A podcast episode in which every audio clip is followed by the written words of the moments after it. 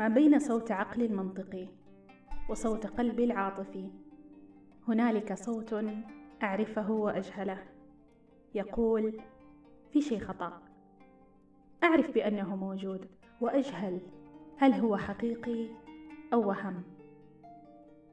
هل هو يريد أن يأخذني للنور أم للحيرة والتيه؟ هل يتحدث عن واقعي أم عن عالم حالم آخر؟ كيف في شيء خطأ؟ وأنا أعيش الواقع الذي يتطابق تماما مع الورقة المحفوظة في درجي الأول. تلك التي خططتها يوما. ورسمت كيف أريد لحياتي أن تكون. الأهداف التي تناسبني أو التي أريد. العلاقات التي تناسبني أو التي أريد. الشهادات التي تناسبني أو التي أريد. أخرجت الورقة ابتسمت لها فخورة بنفسي أنا. ويأتي الصوت مرة أخرى. في شيء خطأ. شكرا لك أيها الصوت. أخبرني من أنت من أين تأتي؟ وماذا تريد؟ كلنا نملك هذا الصوت.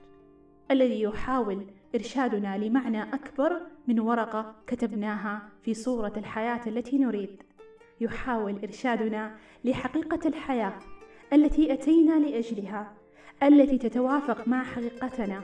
التي تتزامن مع المعنى الذي نحن هنا له. كلنا نملك هذا الصوت الذي يحاول إيقاظنا لذواتنا يهمس في قلوبنا قبل النوم حين تهدأ عقولنا ينادينا في الصباح حين نبحث عن النور ويبقى معنا في انتظار أن نصغي له. لو مرة كلنا نملك هذا الصوت. الذي يريد تنبيهنا قبل أن نسقط في حفرة تعرقلنا سنوات. قبل أن ندخل في علاقة تستهلكنا عمرا. قبل أن نبدأ مشروع أو نقبل وظيفة أو نقبل صداقة أو نقبل على خطوة لا تناسب غايتنا الروحية. كلنا نملك هذا الصوت والقليل منا من يدرك هذا الصوت والندرة منا من يعي لهذا الصوت. لماذا نحتاجه؟ ونحن نملك قوة المنطق حينما تخبرني الورقة طبقا للحسابات أن هذا مشروع ناجح لماذا أسمع لهذا الصوت المجنون؟ لماذا نحتاجه؟ ونحن نملك قوة العاطفة حينما تخبرني مشاعري أنني أحب هذه الصديقة لماذا أسمع لهذا الصوت الغريب؟ لماذا نحتاجه؟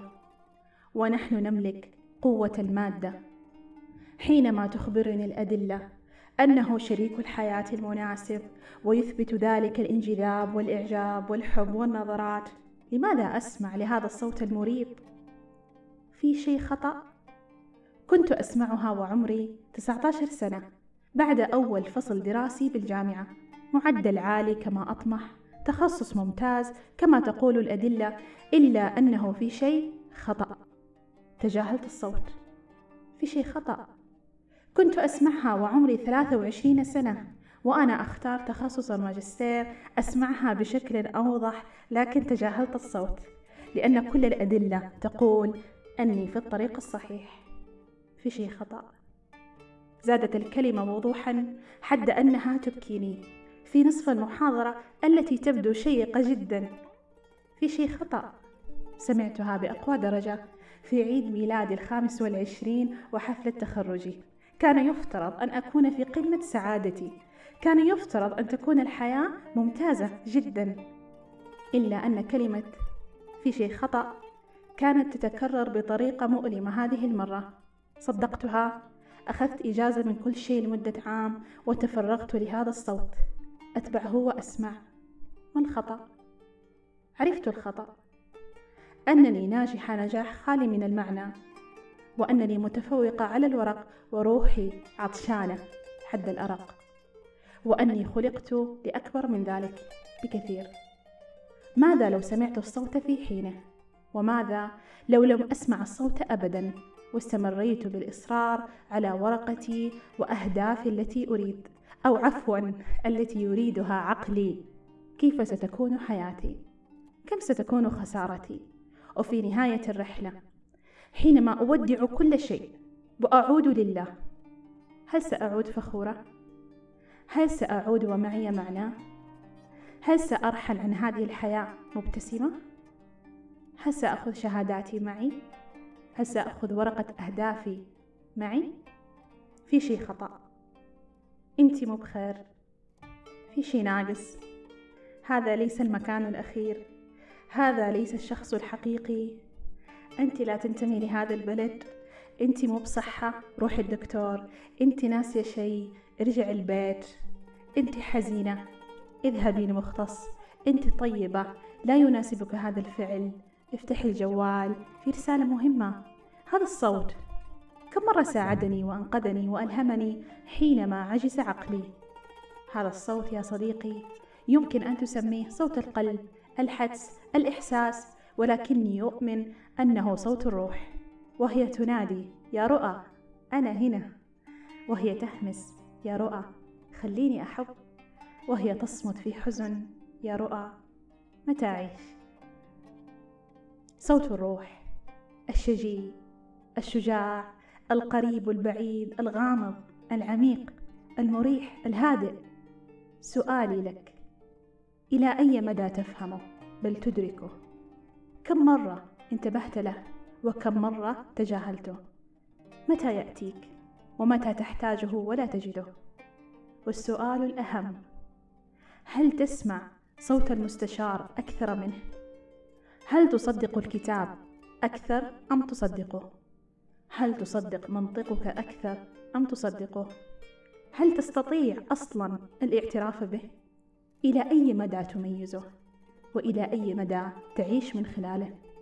أنا أدرك أنه قد يكون مزعج لعقلك ومنطقك. قد يكون مخالف لواقعك الذي تستثمر فيه بدمك ومالك. ولكن لو جلست معه دقائق ستشعر براحة عميقة وسكينة جميلة كتلك التي تعيشها في أجمل وأعمق صلواتك. قد يكون معارض لقيمك التي حددتها لنفسك أو لشخصيتك التي تراها في عيون من حولك. قد يكون احمقا في نظرك. ولكن لو جلست معه خمس دقائق ستشعر أنك حقيقي جدا صادق جدا منشرح جدا عفوي جدا كطفل لا يحمل أي أحكام على الحياة أو صورة ثابتة لذاته. قد يكون مبهم مختلط بصراخ أفكارك وحدة مشاعرك وإرهاق جسدك. لكن لو جلست معه خمس دقائق ستجد أنه واضح كخيط نور من بين الظلمة. ما الذي تخسره لو خسرت هذا الصوت؟ لو اخترت تجاهله لو قررت أنك لا تحتاجه لو اكتفيت بعقلك مثلي في يوم من الأيام. أضمن لك حاجتين. اولا أنك غالبا ستعيش حياة تتوافق مع معايير مجتمعك ومن حولك. ستكون الابن البار وستكون الزوجة الجيدة والطبيب الفذ. ستملك قناع خارجي فخم. ستكون المقبول المحبوب الجيد المنطقي الذكي العملي الطموح. ثانيا أنك غالبا ستعيش حياة منخفضة أو خالية المعنى لأنك تلمس الواقع والمادة وتتجنب الروح والحقيقة. ستعيش غالبا حياة منخفضة أو خالية من البهجة الروحية. لن يرقص قلبك فجأة. لن تلمع عيونك من الشغف. لن تبكي فرحا وربما لن تبكي حزنا أيامك متشابهة. ستعيش حياة منخفضة أو خالية من الحب الروحي. لأنك ستحب بعقلك ستهوى بجسدك ستسافر للدولة التي تعشقها عيناك ستقترب من الإنسان الذي يحب غلافك الخارجي. ستتجنب ما يوقظ هذا الصوت فيك. ستتجنب من يخرب قوانين واقعك ستتجنب من يحبك لحقيقتك. تلك العارية من مسمياتك والممتلئة بروحك. كثيرة هي المعيقات عن هذا الصوت. كثيرة هي التحديات ما بين الحياة التي تريدها الانام والحياة التي تريدها الروح. كثيرة هي الأفكار المشوشة لحقيقة الروح. أهمها مدى كثافة غلافك الخارجي. والمصمم بإتقان من طفولتك بتربيتك بشروط مجتمعك بالتعاريف الدارجه للنجاح بالمفاهيم المتناقلة للحب للسعادة للجمال للقوة هل أنت في بيئة سمحت لك أن تكون حقيقتك أم قالب من إخوتك هل أنت في عمل يشجعك على التعبير أم قالب من مديرك ومديره؟ هل أنت في علاقة تحفزك على الشجاعة أم في قالب مما يريده شريكك؟ ثانيها الشجاعة والإيمان هل تملك الإيمان فيك؟ هل تستطيع الإيمان بهذا الصوت؟ هل تملك الشجاعة الكافية لاكتشافه؟ هل تملك القوة الكافية للاعتراف في شيء خطأ؟ هل تملك الجرأة الكافية لتتبعه للنور مع تحمل تبعات ذلك؟ هل تملك التعاطف الكافي لإدراك مناطق الظل فيك ومحاولة إشعال النور فيها؟ هل تملك الرحمة الكافية لرؤية جروحك؟ هل تملك اللطف الكافي لاستيعاب أنك هنا تعيش حياة كلها أو بعضها لا يناسب حقيقتك أو مع شخص لا تحبه بعمق أو في وظيفة لا تشبهك؟ هل تملك التفهم الكافي لإدراك التجربة الفاشلة قبل محاولة الانتقال لتجربة ذات معنى؟ ثالثها وأهمها هل تعرفك؟ هل تفهمك؟ هل أنت قائد حياتك؟ سيد ذاتك؟ هل تميز مواهبك الفطرية الروحية عن مهاراتك المكتسبة الذهنية؟ هل تميز علاقاتك المريحة الطيبة عن علاقاتك الثقيلة المفروضة؟ هل تستطيع تمييز الفكرة الآتية من عقلك والاحتياج الآتي من جسدك والإلهام الآتي من روحك والحكم الآتي من الأنا والضلال الآتي من الشيطان؟ ابدأ اليوم بالبحث عن هذا الصوت. وإن وجدته ابدأ في الإنصات له. وإن سمعته ابدأ في تجربة الحياة من خلاله. لن تستطيع سماعه مع ضجيج أفكارك. جرب صلاة خفيفة لكن عميقة أو تأمل قصير لكن مركز. جرب أن تصمت كل شيء وتنصت فقط لصوت السكون داخلك. استمتع بالسكون. واسأل سؤالك وأنصت للإجابة. جرب أن تكتب سؤالك وأغمض عيناك دقائق. ثم اكتب الإجابة. قد تكون مجنونة أو عادية من كلمة أو من ست صفحات. اكتبها بفضول بإيمان وثقة. لا تخجل من سؤالك ولا تشارك الإجابة أحدا. الحقيقة لروحك ليست بالضرورة هي الحقيقة لشخص آخر. ابدأ بأسئلة بسيطة عن صحتك عن غذائك عن معنى الحب عن معنى النجاح. أخيرا حينما اختارت روحك التجربة الأرضية. كانت تريد عيشها. أليس كذلك؟ أرجوك. اسمح لها أن تعيش. لا تحرمها من تجربة اختارتها. لا تحبسها في الصندوق المجتمعي أو الديني أو العائلي. لا تكبلها لا تصمتها. كل شيء سيذوب. إلا هي. ستعود لله. دعها تعود فخورة ممتلئة سعيدة.